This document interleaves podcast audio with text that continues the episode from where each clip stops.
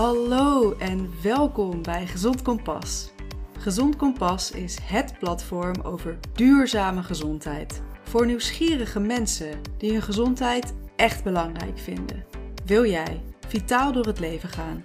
Wil jij je gezondheid echt begrijpen? En wil jij optimale gezondheid bereiken en behouden? Dan ben je bij Gezond Kompas op de juiste plek. Ik ben Iris Otto, arts, gepromoveerd wetenschapper en de oprichter van Gezond Kompas. Met deze podcast hoop ik jou te inspireren om je eigen kompas naar jouw optimale gezondheid te ontwikkelen. Bedankt dat je luistert.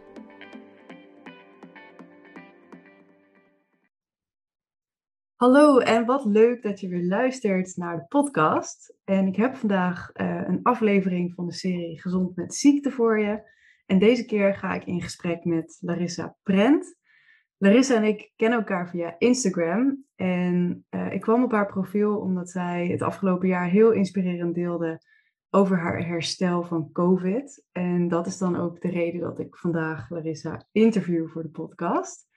Dus Larissa, welkom. Heel fijn uh, dat je met mij in gesprek wilt en dat je je verhaal wilt delen met mijn luisteraars.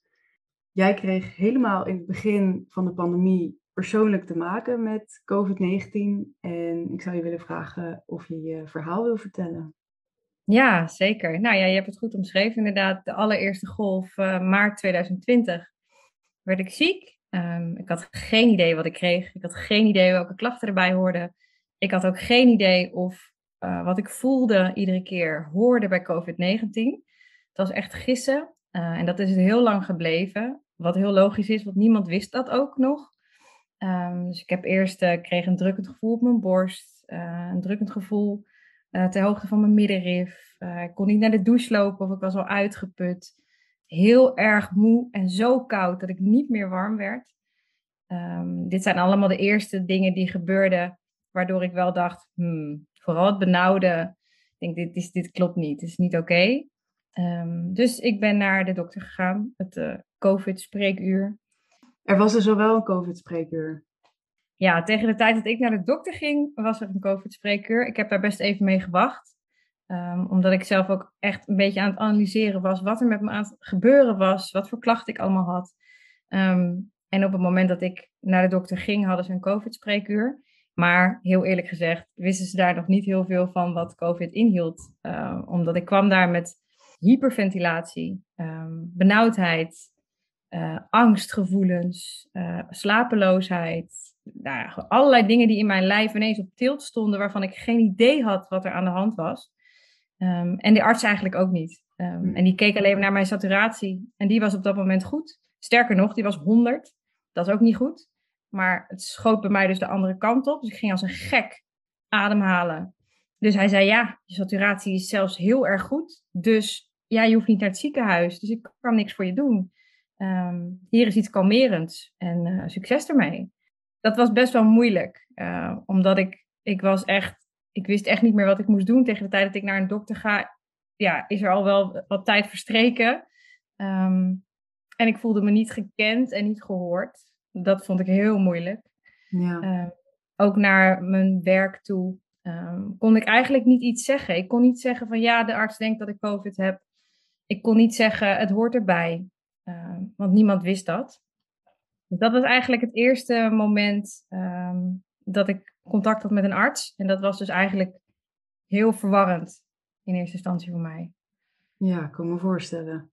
Ja. Ik kan me ook voorstellen dat je, ja, dat je echt door een emotionele rollercoaster gaat. En dat er heel veel door je heen gaat. Ten eerste, wat is er met mij aan de hand? En ook misschien bepaald onbegrip. Kan je, kan je vertellen wat voor emoties je gevoeld hebt, wat voor gedachten je gedacht hebt. Zeker. De gedachte die ik als eerste dacht was, ik word gek. Ik dacht echt, dit, wat gebeurt er met mij? Um, ik heb nog nooit eerder, had nog nooit eerder een paniekaanval gehad in mijn leven. En ik heb, kreeg het op een gegeven moment bijna elke nacht. Ik werd wakker s'nachts. Ik dacht echt, ik krijg een hartaanval. Ik ga dood. Dit is niet goed. Nou, dat is maar één ding wat er bijvoorbeeld gebeurde, wat ik nog nooit eerder had meegemaakt ja, dat drukkende gevoel, dat benauwde, dat is gewoon heel eng. Het is gewoon een eng gevoel dat je het idee hebt dat je gewoon niet meer zo goed kan ademhalen. En dan heb je van die thuissaturatiemeters die het dan de ene keer wel en de andere keer niet doen. Uh, die dus soms ineens een heel gek getal aangaven. Waardoor ik eigenlijk alleen nog maar banger werd en dacht, ja, wat is nou echt? Uh, is het echt zo slecht? Of uh, klopt dat apparaat niet? Er was zoveel onduidelijkheid en dat maakte het enger dan het misschien had hoeven zijn. Um, daar kwam bij dat de benauwdheid voor mij me herinnerde aan mijn astma die ik als kind heb gehad. Um, dus het benauwde gevoel kende ik van vroeger. En dat was wel een traumatische herinnering. Dus dat maakte het ook niet beter. Um, dat ik dat weer voelde en dat ik gewoon echt niet wist wat ik met mezelf aan moest. Dus gevoelens van onmacht, onbegrip, angst. Ja, ook echt wel mijn, echt mijn lijf niet meer begrijpen. Ik denk dat dat het allerbelangrijkste is bijna. Dat je gewoon, gewoon geen vertrouwen meer hebt in je lichaam, want je snapt het niet. Je snapt niet wat er, wat er aan de hand is. Je snapt niet waarom je constant aanstaat voor je gevoel. Uh, want dat is wel het gevoel wat ik het best, hoe ik het best kan omschrijven. Mijn vechtvluchtsysteem was compleet in de war en stond eigenlijk constant aan. Ik moest constant, stond ik alert. Um, vandaar dat ik ook op een gegeven moment niet meer goed kon slapen, omdat ik gewoon de hele tijd aanstond van binnen eigenlijk. Ja, ja want ik wilde al vragen van waar, waar merkte je dat aan, dat dus je vechtvluchtsysteem ontregeld was? Was dus uh, dat je niet meer goed kon slapen? Waren er nog andere dingen? Ja, ik kon echt geen enkele prikkel aan. Um, dus zelfs de televisie, als ik daar nou ja, één minuut naar keek, dan was ik al helemaal overprikkeld. Ging mijn hart tekeer. Alles met prikkels. En dan merk je eigenlijk pas dat alles in je leven een prikkel geeft. Um, en dat sommige dingen dat veel meer doen dan andere dingen. Wat je helemaal niet doorhebt als je niet ziek bent, als er niks met je aan de hand is. Maar nu werd alles uitvergroot. Dus uh, even met mijn kinderen uh, spelen, daarna was ik kapot. En niet alleen van het fysieke uh, daarvan. Ik kon sowieso natuurlijk, dat kon ik sowieso niet fysiek met mijn kinderen spelen. Maar gewoon, ik weet nog wel dat het een mijlpaal was dat ik met mijn, zo met mijn zoontje Nintendo Switch kon spelen. Eén spelletje. Omdat ik dat dan volhield qua prikkels. Nou ja, dat bijvoorbeeld ook, weet je wel. Uh, dus prikkels, energieverdeling. Um, ik was gewoon, mijn lijf was zo hard bezig met iets wat niet nodig was dat ook een aantal functies gewoon stopte. Ik had geen eetlust meer. Helemaal niks, hmm. nul. Ik ben acht kilo afgevallen in die tijd. Omdat ik gewoon, ik had gewoon geen honger meer. Wat ook natuurlijk hoort bij een uh, totaal overbelast uh, vecht-vluchtsysteem. Want je lijf denkt, er komt een mammoet aan, ik moet wegwezen, eten komt later wel, zeg maar. Precies, ja. En uh, dus ja, ik at niet meer, ik had geen honger meer. Ehm, al die dingen eigenlijk, die, die had ik. Ja, en hoe, hoe reageerde je omgeving daarop? Op überhaupt op jouw ziek zijn, maar ook op nou ja, dat je dus niet meer goed tegen prikkels kon, of dat je heel moe was, of dat je, hè, je zegt je had paniekaanvallen. Hoe ging je omgeving daarmee om? Ja, mijn man is echt uh, mijn rots geweest in deze tijd. Als hij er niet was geweest, nou ja, gewoon überhaupt de kinderen opvangen elke dag met thuisonderwijs. Aangezien het ook de quarantaineperiode was. Ja, Alle scholen waren dicht. Uh, dus ja, dat alleen al, uh, dat kon ik helemaal niet. In het begin heb ik het nog geprobeerd, maar dat ging echt niet. Um, dus alleen al dat stuk is hij mijn redding geweest, maar ook ja, nachtelijke paniekaanval. Hij zei, je kan altijd bij me komen, weet je wel. Het gevoel, en dat, dat gevoel, dat, ja, ik voelde me super bezwaard natuurlijk, hè, en heel schuldig. Terwijl, daar heb je helemaal niks aan. Het lost niks op, het wordt er niet beter van, maar het is een soort ingebouwd systeem dat je denkt, ik wil niemand tot last zijn.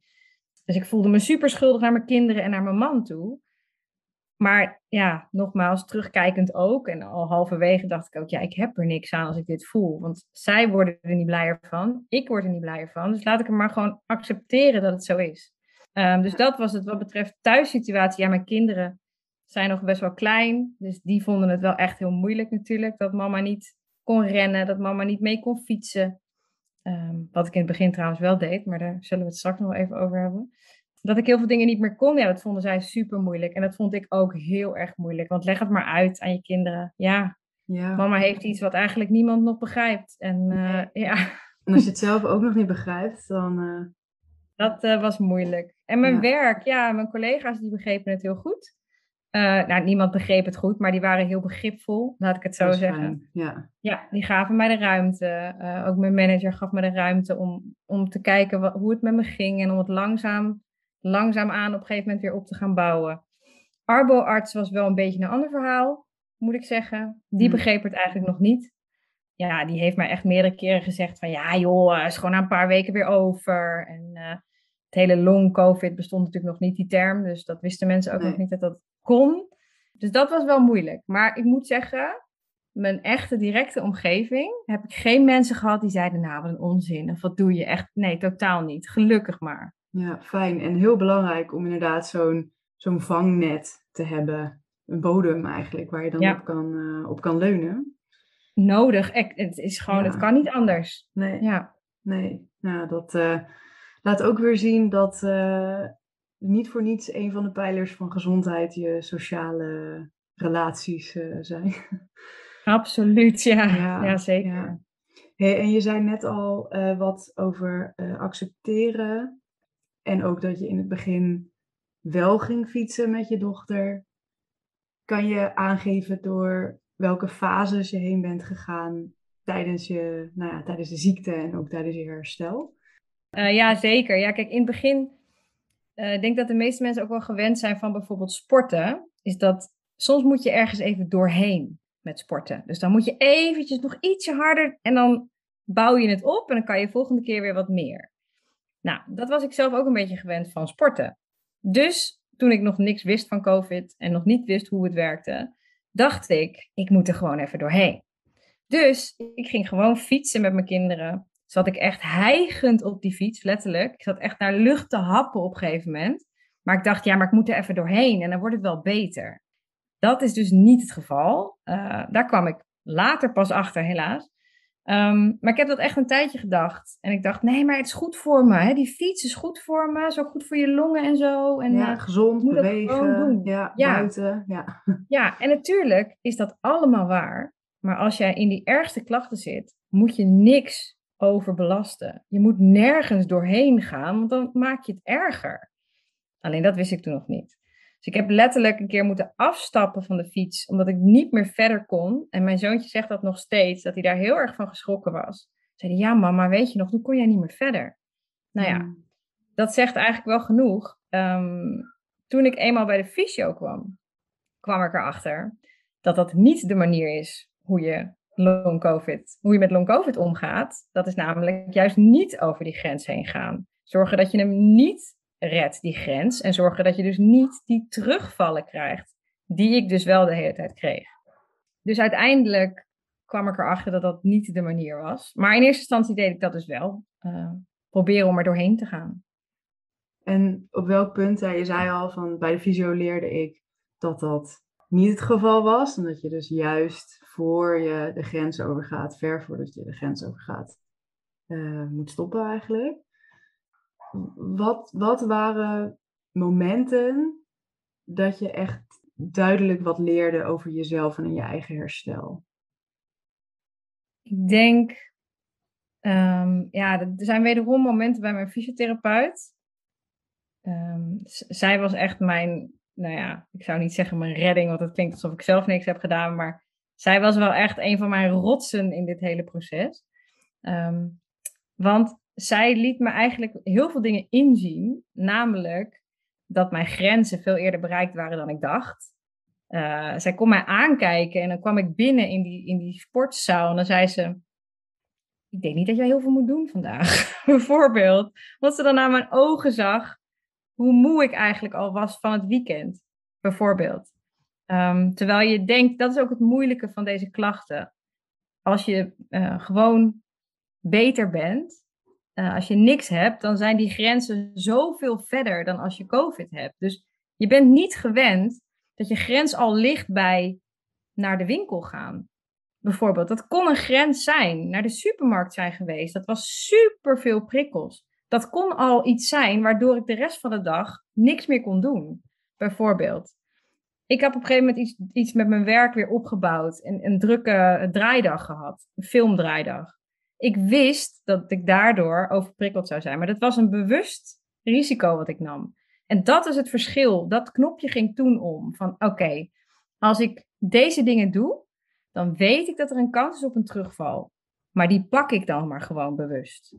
En ook heel bewust nee zeggen tegen dingen. Dus ook heel bewust zeggen nee, ik wil die grens niet over. Ik ga dit niet doen. En dat had dan vooral te maken met ja, sociale dingen. Je kan ze niet eens sociaal noemen, want in het begin is een sociaal ding, dus naar de supermarkt gaan is een sociaal ding. Ja. Ehm, maar goed, ook tegen dat soort dingen op een gegeven moment gewoon nee, gewoon nee zeggen. En als mijn lijf zei, ik wil in bed liggen, dan ging ik in bed liggen, zeg maar. En dat was altijd iets waar ik van nature heel erg ben gewend ben om gewoon door te gaan. En te denken, nee joh, hè, kom op, even nog, uh, even nog verder. Misschien ben je hierdoor juist wel bewust geworden van dat je überhaupt grenzen hebt. En waar die dan liggen. En wanneer je die moet respecteren. En wanneer je ervoor kan kiezen om nou ja, er wel overheen te gaan. Absoluut. Ja, en ik ben van nature best wel heel energiek. Wat uh, ervoor zorgt dat ik best wel makkelijk over grenzen heen ga. En dat niet eens per se merk in eerste instantie. Behalve als komt ik... later. ja, nou ja, precies. En dan kreeg ik, vroeger kreeg ik migraine. En dan wist ik, oké, ik ben te ver gegaan. Dan lag ik een dag in bed en dan was het weer over. Maar dan wist ik wel, oké, dit was een grens. Ja. Ehm, en nu was dat dus niet migraine, maar een terugval in klachten. En ja, ik kan je wel vertellen, iedereen die luistert, die long COVID heeft of heeft gehad, die weet hoe naar het is om weer extra benauwdheid te voelen. Om weer uh, vermoeid te zijn, om weer, en dat ben je de hele tijd, maar nog weer wat extra. Om het gevoel te hebben dat die vooruitgang die je hebt geboekt, dat die eigenlijk weer terug is gezet naar bepaalde stappen, weet je wel? Ja. Dat wil je niet, want het duurt al zo lang. En hoe ga je er ehm, dan nu zowel fysiek als mentaal mee om? Als je dan dus een terugval hebt. Nou, je bent nu hersteld, hè, in principe. Ja. Maar hoe ging je daarmee om als je dus een terugval had? Ja, acceptatie. Het woord wat je net noemde. Accepteer maar gewoon dat het zo is. Want je kan er toch niks aan doen meer. Het is al gebeurd. En probeer ervan te leren. Bedenk wat heb ik gedaan wat het heeft kunnen veroorzaken. En het is niet altijd, was niet altijd een duidelijke oorzaak. En dat is ook zo frustrerend, wat ik ook van veel andere mensen hoor die long COVID hebben. Het is niet altijd aanwijsbaar wat het is geweest, maar soms ook wel. En die soms ook wel, daar kan je wat mee. Want dat zijn de momenten waarvan je kan denken: oh, oké, nou, ik denk wel eigenlijk, als ik heel eerlijk ben naar mezelf, dat dat ene gesprekje of dat ene kopje koffie met die, dat dat misschien net iets te lang is geweest. Dus vaak als je echt eerlijk bent, dan kom je er wel achter. En dan weet je het misschien van binnen ook wel dat één bepaald gesprek, één bepaald uitje tussen haakjes al te veel was. Ehm, dus ja, eh, acceptatie. Accepteren dat het zo is. En dat is denk ik ook een hele grote les die ik überhaupt hiervan heb geleerd. Ehm, ik ben heel erg van nature gewend om dingen te analyseren en te willen fixen. nou, ik, als ik één ding. Ja, als ik één ding heb geleerd, is het dat dat gewoon echt niet altijd kan. En dat het ook helemaal niet hoeft. Soms mag iets er gewoon zijn en hoef je het niet te fixen. Sterker nog, door het te laten zijn, verdwijnt het vaak. En op het moment dat je het wil fixen, dan zet je er zoveel energie achter en zoveel. Ik zeg altijd die, die bal, hè? Die, uh, die bal onder water houden. Ja, ja, ja. Dat die komt keihard weer terug als je hem onder water duwt. Ja. Dus ja, dat heb ik echt geleerd. Probeer dingen niet te fixen, maar laat ze, hoe moeilijk het ook is, laat ze er gewoon zijn. Ja, want dat is het, hè? Als in accepteren is makkelijker gezegd dan gedaan. Ja, ja. Ehm, ja, het is, ja, nogmaals, het is heel makkelijk om te zeggen, ja, je moet het, je moet het echt gewoon accepteren. En jij zegt het natuurlijk vanuit een, een ervaring. Uh, maar ik kan me ook voorstellen dat uh, mensen die luisteren en die hebben iets die zeggen, ja, ik, ik kan dit gewoon niet accepteren. En die zitten nog zo in de, in de weerstandsstand. Wat zou je tegen deze mensen willen zeggen? Wat zou hun kunnen helpen om het dus los te laten, te, te laten zijn, te accepteren? Ja, ik denk dat daar twee ehm, fases in zijn, zeg maar. Wat mij betreft dan.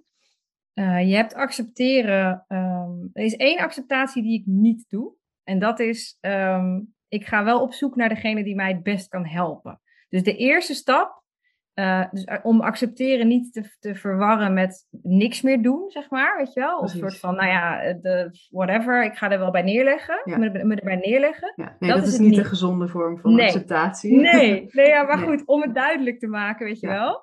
Die acceptatie absoluut niet. Als ik iets ben, is het een, nou ja, ik ben een redacteur, eindredacteur van beroep. Uh, ik wil dingen uitzoeken. Ik wil weten wat ik, wat ik, wie ik moet hebben en waarom. En dus dat is één ding. Ga alsjeblieft niet. Ehm, Bij de pakken neerzitten. Nou ja, en, en mocht je nou een hulpverlener hebben, dus bijvoorbeeld een fysiotherapeut, een psychotherapeut, een ergotherapeut, een logopedist. Mocht je iemand hebben in dat rijtje waar je geen klik mee hebt, ga alsjeblieft iemand anders zoeken. En zo snel mogelijk. Want pas als je die persoon vindt, kan het echte herstel beginnen wat mij betreft. Dus dat is echt stap 1 is niet acceptatie, maar stap 1 is echt zorg dat je iemand vindt die je kan helpen erbij. Dus wel accepteer dat je hulp nodig hebt. Dat wel. Ja. Maar ga die persoon wel zoeken en ga kijken wie er bij jou past en bij wie je een goed gevoel hebt. Dat is echt nummer 1. Ja, en wees niet bang om door te zoeken als het niet Precies. Ja. Vind ik echt heel belangrijk. Want bij mij is mijn herstel en mijn snelle, elf maanden, maar goed, in long covid termen soms, snelle herstel, heeft echt bij mij wel echt heel erg gelegen, ook aan wie mij heeft geholpen. Ehm, dus dat is nummer één. En dan punt twee, op het moment dat je dan een terugval hebt, dat je dan voelt, oh ja, ik ben weer benauwd, die mag je wel proberen er te laten zijn. En hoe shit het ook is. Want die klachten zijn niet fijn en je wil het helemaal niet voelen. Maar zolang je weerstand hebt, geef je het energie en wordt het groter. Dat klinkt allemaal heel leuk als je er niet in zit, dat weet ik ook wel. Want ik weet ook wel dat toen mensen dat af en toe tegen mij zeiden in mijn ergste klachten, dat ik dacht, ja joh man, eh, hou op. Dit wil je er helemaal niet laten zijn. Dit is helemaal niet fijn. Ehm, maar al doe je het maar een beetje. Ja. Al kan je het maar een beetje loslaten. Al kan je maar een beetje denken: oké, ik voel me weer wat benauwder. Dat is dan nu maar even zo. Ja. Het is niet fijn. Je hoeft het ook niet fijn te vinden. Het gaat ook niet fijn worden. Maar het is nu even zo. Ik kan er nu even niks aan doen. Laat het dan maar even er zijn. Ja. En ik denk door dat maar heel vaak tegen jezelf te zeggen. En heel vaak te proberen om op het moment dat je het voelt te proberen om op je gedachten te letten en te kijken, oké, ga ik heel word ik heel boos van binnen, weet je wel? En waarom? En laat het dan maar even. Laat die boosheid dan maar even gaan. Want het is energie die zonde is om in boosheid te stoppen. kan je beter in je herstel stoppen. Ja, precies. Mooi. En ik denk ook dat er, dat er zelfs ook een fysiologische laag onder zit. Dat als je dus inderdaad uh, die weerstand ergens naartoe stuurt, ja, die weerstandsenergie. Kijk, een paniekaanval ontwikkelt zich ook doordat die weerstand tegen die angstgevoelens, daardoor wordt het groter. Als je buikpijn hebt, of buikkramp, en je zit heel erg in de kramp en je wilt het niet hebben, dan raak je meer in de kramp. Als je een beetje kan ontspannen, ontspannen je spieren, ontspant dus je vecht-vluchtsysteem. Dus fysiologisch zitten daar ook systemen die dus beter gaan eigenlijk op het accepteren, loslaten, ontspannen, dan die weer in die weerstand zitten. Ja, duidelijk. Heel herkenbaar. Hey, en ehm, je zegt um, heel belangrijk om dus de juiste uh, hulpverlener, of in ieder geval de juiste persoon om jouw hulp te bieden, te vinden. Hoe wist jij nou wie jij nodig had op dat moment? Of misschien op een ander moment iemand anders? Ja, dat is een hele goede vraag. Want in eerste instantie pak je wat er in de buurt is, zeg maar, om het even heel erg onerbiedig te zeggen. Ehm, en ik heb gewoon heel erg veel geluk met mijn huisartsen. Ik heb twee uh, vrouwelijke huisartsen die een beetje afwisselen bij mij. Nou, dat was mijn eerste geluk. Want ja, dat duo was gewoon top. De ene belde me elke vrijdag in de eerste periode om gewoon maar naar me te luisteren. Ehm, en de ander die was heel praktisch en die zorgde voor, weet je wel, welke medicatie, welke dingen wel, welke dingen niet. Ze waren gewoon samen, waren ze mijn topteam. Dus dat was even nummer één, daar heb ik gewoon geluk mee gehad. Want die waren bij mij, weet je wel, de eerste persoon die je toch gaat treffen is je huisarts. En ik heb van zoveel mensen met long-covid gehoord dat een huisarts het niet begreep.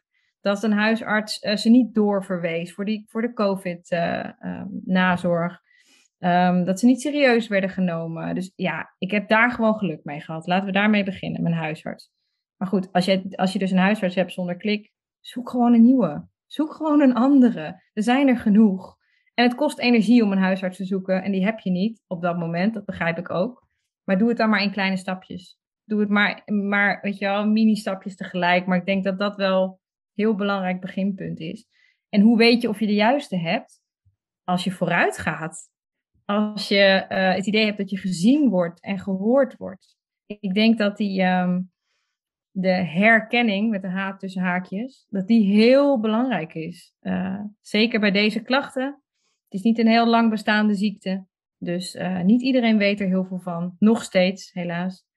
En ik denk dat het super belangrijk is dat je het gevoel hebt dat je serieus wordt genomen. Dat er echt naar je wordt geluisterd. Uh, en dat het iemand is die ook echt weet waar het over gaat. Want er zijn, er zijn natuurlijk prima wetenschappelijke onderzoeken al over COVID inmiddels. Uh, toen ook al.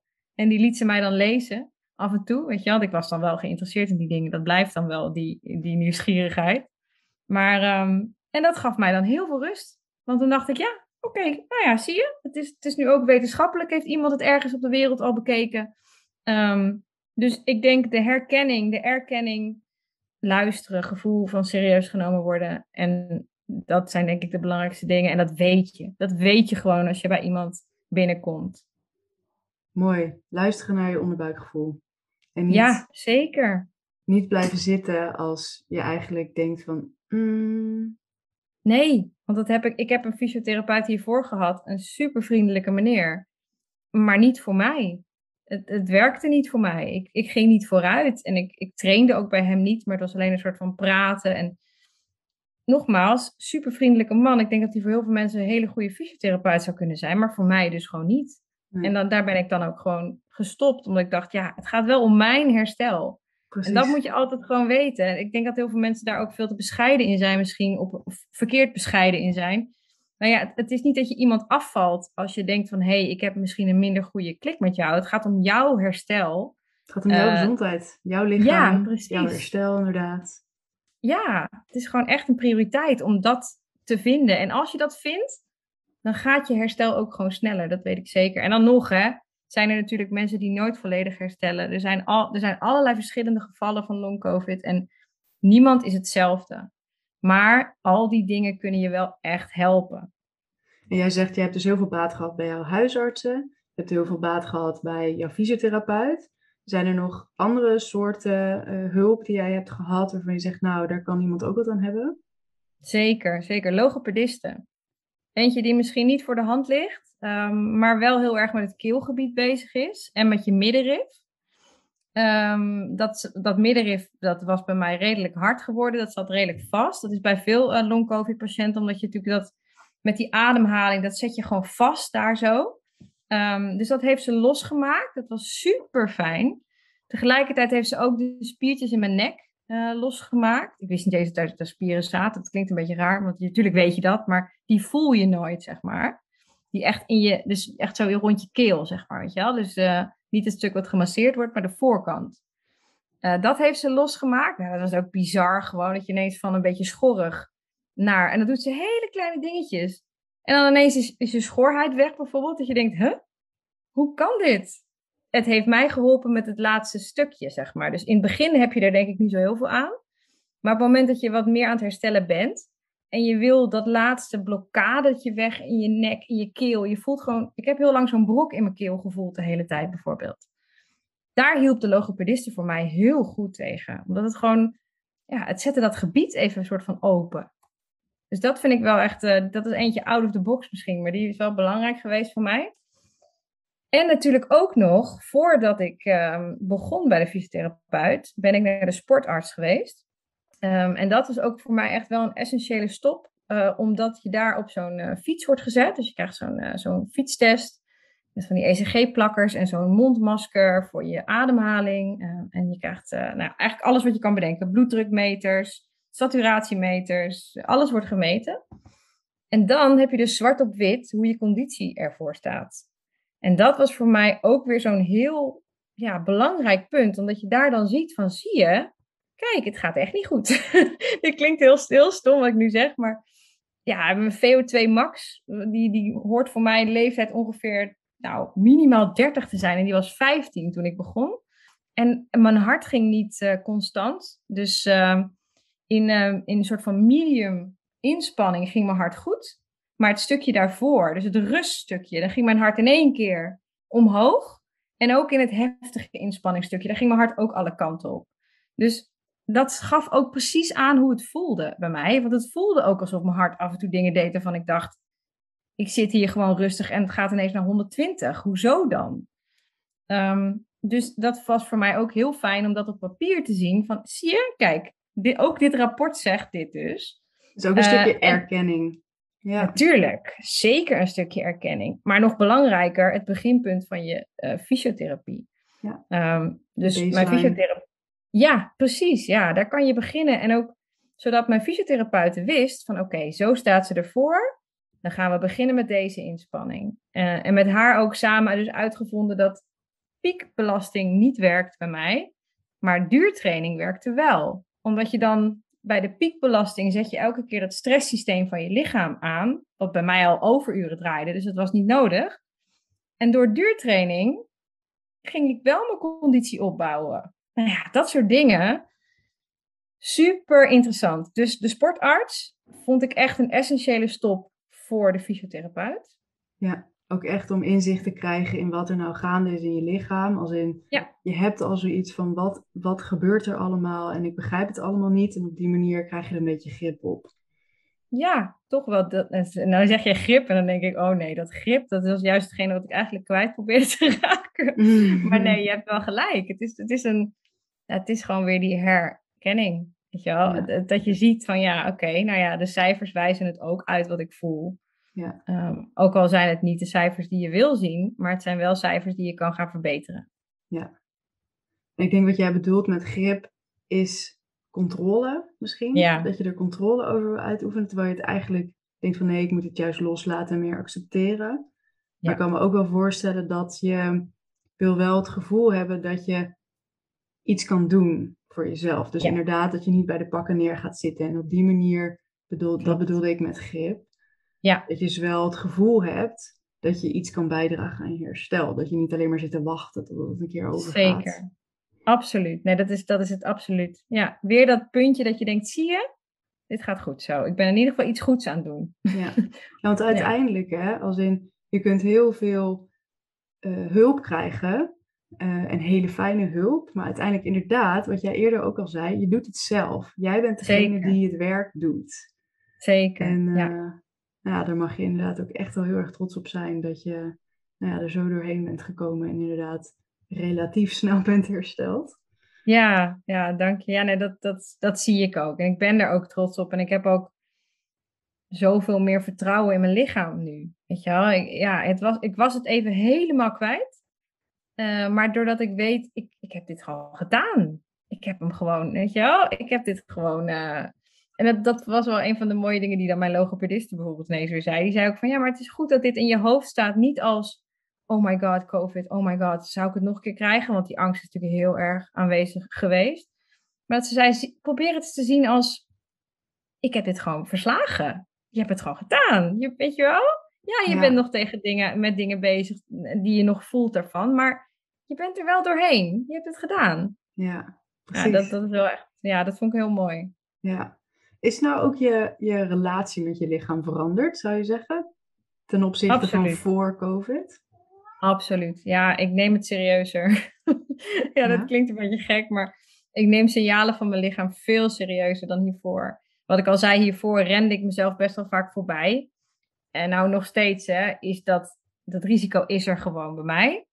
Um, omdat ik gewoon van mezelf heel veel energie heb en heel veel dingen wil doen en enthousiast kan zijn. En dat is ook helemaal niet erg. Dat hoort bij mij. Dus dat is prima. Maar ik trek nu wel sneller aan de bel. Ik merk sneller van oké, het is tijd voor yoga. Bij mij is het dus van ik, ik moet weer even op die mat gaan zitten. En in het begin is het moed. En dat is natuurlijk, hè. Maar als ik het dan weer één keer heb gedaan, dan is het niet meer moed. Dan is het, oh ja, oh heerlijk. En dat kan ook een meditatie doen zijn. Het kan ook gewoon een stuk wandelen in mijn eentje in de natuur zijn. Het kan van alles zijn, maar wel dat soort dingen. Eh, even geen telefoon voor mijn neus. Even geen laptopscherm voor mijn neus. Gewoon ik, stilte, natuur, ontspanning. Nou, en dat, dat, als ik dat dan weer inlas, dan merk ik ook gelijk van, oh ja, ik zit weer op een andere golflengte. En dan kan ik nog steeds mijn enthousiaste zelf zijn, als ik dat maar afwissel met een kopje thee en rust. En dat is het gewoon. En ik geef daar nu gewoon veel meer aan toe. En ik weet nu ook wat ik moet doen als ik me opgejaagd voel. Als ik me. Uh, ik kan namelijk heel leuk bezig zijn met allemaal leuke dingen. Hè, want daar ben ik goed in. Maar ook allemaal leuke dingen bij elkaar zijn soms gewoon te veel. Uh, en ja, ik, ik pak nu gewoon veel meer rust. En dat kan je altijd wel zeggen, want ik dacht hiervoor ook, ik luister vet goed naar mijn lichaam. Nou, dat is helemaal niet waar. Ik weet nu dat ik het nu wel echt doe. En nog steeds, tuurlijk. Af en toe uh, gaat er een keer een periode tussendoor waarvan je denkt, oeh, ik heb hoofdpijn, ik ben wel heel moe. Ja, ik ben ook wel iets te ver doorgegaan. Dat is ook niet erg. Als je het ergens maar erkent en ziet en weet dat het ook anders kan. Ik denk dat dat belangrijk is. Ja, mooi. Mooi dat je dat inderdaad zo, zo uitlegt. En ik denk dat het een hele, hele belangrijke en fundamentele levensles is. Ja. Die uh, heel veel mensen nog mogen leren. Maar ik hoop dat ze dan de, dit van jou ook uh, nu meenemen. Nee, ik ben eigenlijk wel benieuwd. Ben je nu nog bang om COVID te krijgen? Nou, ik zou heel graag willen, volledig willen zeggen: nee, helemaal niet. Uh, ik zit niet helemaal nog aan dat spectrum, maar er is al een heel stuk angst vanaf, moet ik zeggen. Ik vertrouw nu zoveel meer in mijn lichaam. Precies om wat ik zei, dat ik denk, ik heb het gewoon, ik heb dit gewoon verslagen. Ik heb het gewoon gedaan. Ja, met hulp van mensen, maar ik heb het wel zelf gedaan. Um, dus ik, ik vertrouw mijn lijf nu wel zo erg dat ik denk, zelfs als ik het zou krijgen nog een keer, dan kan ik het gewoon handelen. En ja, ik ben wel dubbel gevaccineerd. Dus uh, dat heb ik wel ook gedaan, omdat ik dacht, ik wil het niet nog een keer krijgen natuurlijk. Hè. Dat speelt ook wel mee in, dat, uh, in die keuze. Omdat ik weet hoe heftig het kan zijn. Omdat ik weet wat het met mij kan doen. Dus ik probeer natuurlijk wel alle factoren weg te strepen zoveel mogelijk. Die het mogelijk kunnen maken dat ik het weer kan krijgen natuurlijk. Hè. Dus ja, dat wel. Ja, dus je bent wel veel bewuster van hoe kan ik zoiets oplopen en wat doet het dan met mij en hoe kan ik nou ja, mezelf eigenlijk wapenen tegen. Absoluut, ja. En er is een heel, wel een heel groot verschil tussen de, nou ja, zeg maar, aantal maanden geleden en nu in hoe ik ermee omga bijvoorbeeld. Want ik weet dat um, in de zomer, was dat vorig jaar zomer? Nee, dat kan niet. Nee, ik denk dat het misschien vier maanden, vier, vijf maanden geleden is dat mijn uh, zwager en schoonzusje uh, COVID kregen. En die had ik toen dat weekend gezien. En ik weet dat ik dat hoorde en dat ik echt, alles werd echt even zwart voor mijn ogen toen. Ik zat in de auto, ik stond wel gelukkig stil op de parkeerplaats. Ik was net bij school gestopt om mijn kinderen op te halen. En ik kreeg echt een halve paniekaanval in die auto, omdat ik dacht, oh nee, oh nee. Dat was echt een soort worst nightmare, dat ik dacht, ja, maar dan heb ik het straks weer. En toen waren er nog geen vaccinaties en uh, toen zat ik nog wat dichter bij mijn uh, ziek zijn, zeg maar. En ik dacht echt, nee, nee, nee, nee, nee, nee, nee, nee, dat kan niet, dat mag niet, dit kan ik niet weer. Dus toen was er echt veel angst. Um, en ik merk nu, nou mijn zoontje is dus vorige week positief getest. En ik had die angst eigenlijk niet meer. Ik dacht, ja, ik hoop voor hem de angst, wel een kleine angst dat hij, weer, dat hij ook zo ziek zou worden als ik. Gelukkig is dat bij kinderen over het algemeen minder. Um, en hij heeft ook echt bijna geen klachten gehad. Dus ik ben daar heel blij mee. Maar ik heb, ja, natuurlijk zit er ergens wel in je hoofd een soort van stemmetje wat zegt: ik hoop niet dat je het nog een keer krijgt. Maar die zit veel verder weg. En die is niet meer zo hard aanwezig. Die, die heeft niet de overhand, zeg maar. De overhand heeft het stemmetje wat zegt: Ja, nou en? En dan? En dan? Ja, en dan, dan krijg je het nog een keer. Dan herkent je lichaam het en die denkt: Kom maar op dan. Dus ja, gelukkig overheerst die stem nu. Ja, mooi. Dat vertrouwen. Ja, dat is ook heel fijn. Dat, dat, dat, dat, dat is een van de goede dingen die het me heeft opgeleverd. Ja, meer vertrouwen in je lichaam. En dat mag ook. Ja. Want, uh, het is echt een heel bijzonder ding waar wij uh, mee rondlopen hoor. Het lichaam kan heel veel. Ja. Ja, ik denk, je hebt al zoveel mooie dingen gedeeld. En ik zou je nog willen vragen, wat zou jij anderen die nou ja, uh, COVID-19 hebben of, of een andere chronische ziekte of een onbegrijpelijke aandoening of een, hè, iets in die trant. Wat voor advies heb jij voor deze mensen die met zoiets struggelen?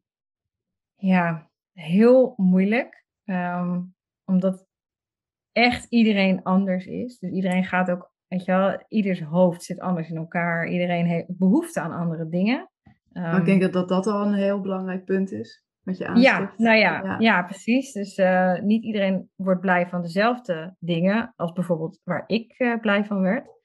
Um, ik denk dat het stukje acceptatie dan echt heel belangrijk is. Uh, accept, je hoeft niet te accepteren dat je geen goede hulp hebt of geen goede zorg hebt, maar je kan soms wel, je zal soms wel moeten accepteren dat er bepaalde klachten zijn en dat je daar op dat moment even niks aan kan doen.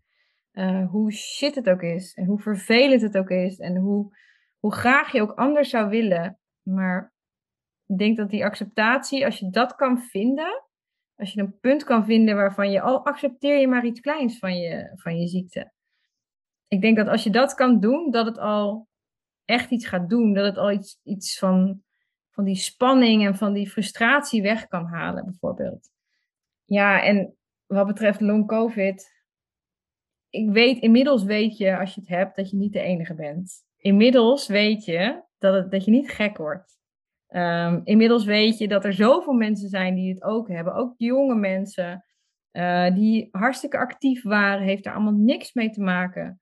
Um, inmiddels zijn er best wel veel onzekerheden die ik had, gelukkig, duidelijker geworden. En dat, dat is denk ik in ieder geval heel prettig. Dan nog steeds is in mijn universum alles duidelijk over. Nou, niet alles duidelijk, dat wordt het ook niet. Maar um, zijn er heel veel klachten waarvan ik denk, ja, nee, natuurlijk hoort dat erbij. En nog steeds is, zijn er heel veel artsen die dat niet erkennen uh, of niet zien. En ik denk dat daar nog wel een, uh, een puntje zit. Voor, ja, voor artsen, voor huisartsen, voor verdiep je iets meer in dat stukje. Weet je wel? En, en echt onderzoek naar wat gebeurt er nou in je lijf als je COVID-klachten zo lang aan blijven houden. Um, die dingen, ja, daar zit allemaal nog wel groei in, zeg maar. Daar kan, daar kan altijd nog meer in gebeuren. En dan nog, ook al heb je long-COVID en heb je het allemaal uitgezocht, dan nog gaan die klachten niet weg als je weet waardoor het komt. Snap je? En dat is denk ik wel een belangrijk ding. Je kan nog zoveel research als je maar wil en zoveel uitzoeken. Het verandert er niks aan dan weet je misschien van, oh, ik heb dit gen en door dit gen heb ik dan misschien, en dan, het, je klachten gaan daar niet door weg. Het klinkt misschien cliché, maar uiteindelijk komt het dan toch neer op ermee leren leven. En dan niet Absoluut. Wat we eerder zeiden van, oké, dan is het maar zo en dan ga ik achterover zitten. Maar hè, hoe ga je ermee om? Hoe geef je je lijf en je geest wat je nodig hebt ja. Op die manier ermee leren leven. Zeker, ja. En ik heb ook, ik denk dat het heel belangrijk is dat we ervaringen blijven delen en uh, elkaar blijven helpen daarmee. Daarom heb ik ook dat Instagram-kanaal opgericht, uh, wat ik En Weer Opstaan had genoemd. Het heet nu Larissa Brent En Weer Opstaan, maar goed, het is nog steeds En Weer Opstaan. Um, omdat ik heel graag wil delen um, wat, hoe dat herstel bij mij is gegaan, maar dat ik ook heel graag verhalen van andere mensen wil delen. Um, ik heb nu eindelijk mijn nieuwe camera binnen. Dus ik ga binnenkort beginnen met mijn interviews. En dan ga ik dus ook echt mensen interviewen die na van alles weer zijn opgestaan. Dus een postnatale depressie uh, uh, en weer opstaan. Een niet aangeboren hersenletsel en weer opstaan. Ik noem nu even twee die ik in ieder geval bijvoorbeeld ga doen. Maar ik vind het zo belangrijk dat we dingen delen met elkaar. En dat we van elkaar horen dat waar je ook waar, waar je ook na weer bent opgestaan, je bent niet de enige. Um, en ik denk dat dat zeker in deze tijd waarin we toch minder contact hebben met elkaar, dat dat heel belangrijk is. En ik denk, ik, ja, ik wil daar ook echt een nadruk op leggen. Om, ik vind het zo belangrijk dat we gewoon open kunnen zijn en kunnen delen. Want alleen maar dan vind je die connectie met andere mensen. En dat kan al zoveel doen in je herstel. Ja, dat je weet dat je niet alleen bent. Ja. Dat je niet de enige bent die door zoiets heen gaat. Precies, dat kan steun bieden. En het kan in ieder geval, je kan elkaar contacten en kijken of je dingen van elkaar kan leren. Of je, ja, ik denk dat dat zo belangrijk is. Hou het niet voor jezelf, maar probeer samen met anderen ook een oplossing te vinden voor dingen die misschien nog niet iedereen weet of die niet bij iedereen hetzelfde werken.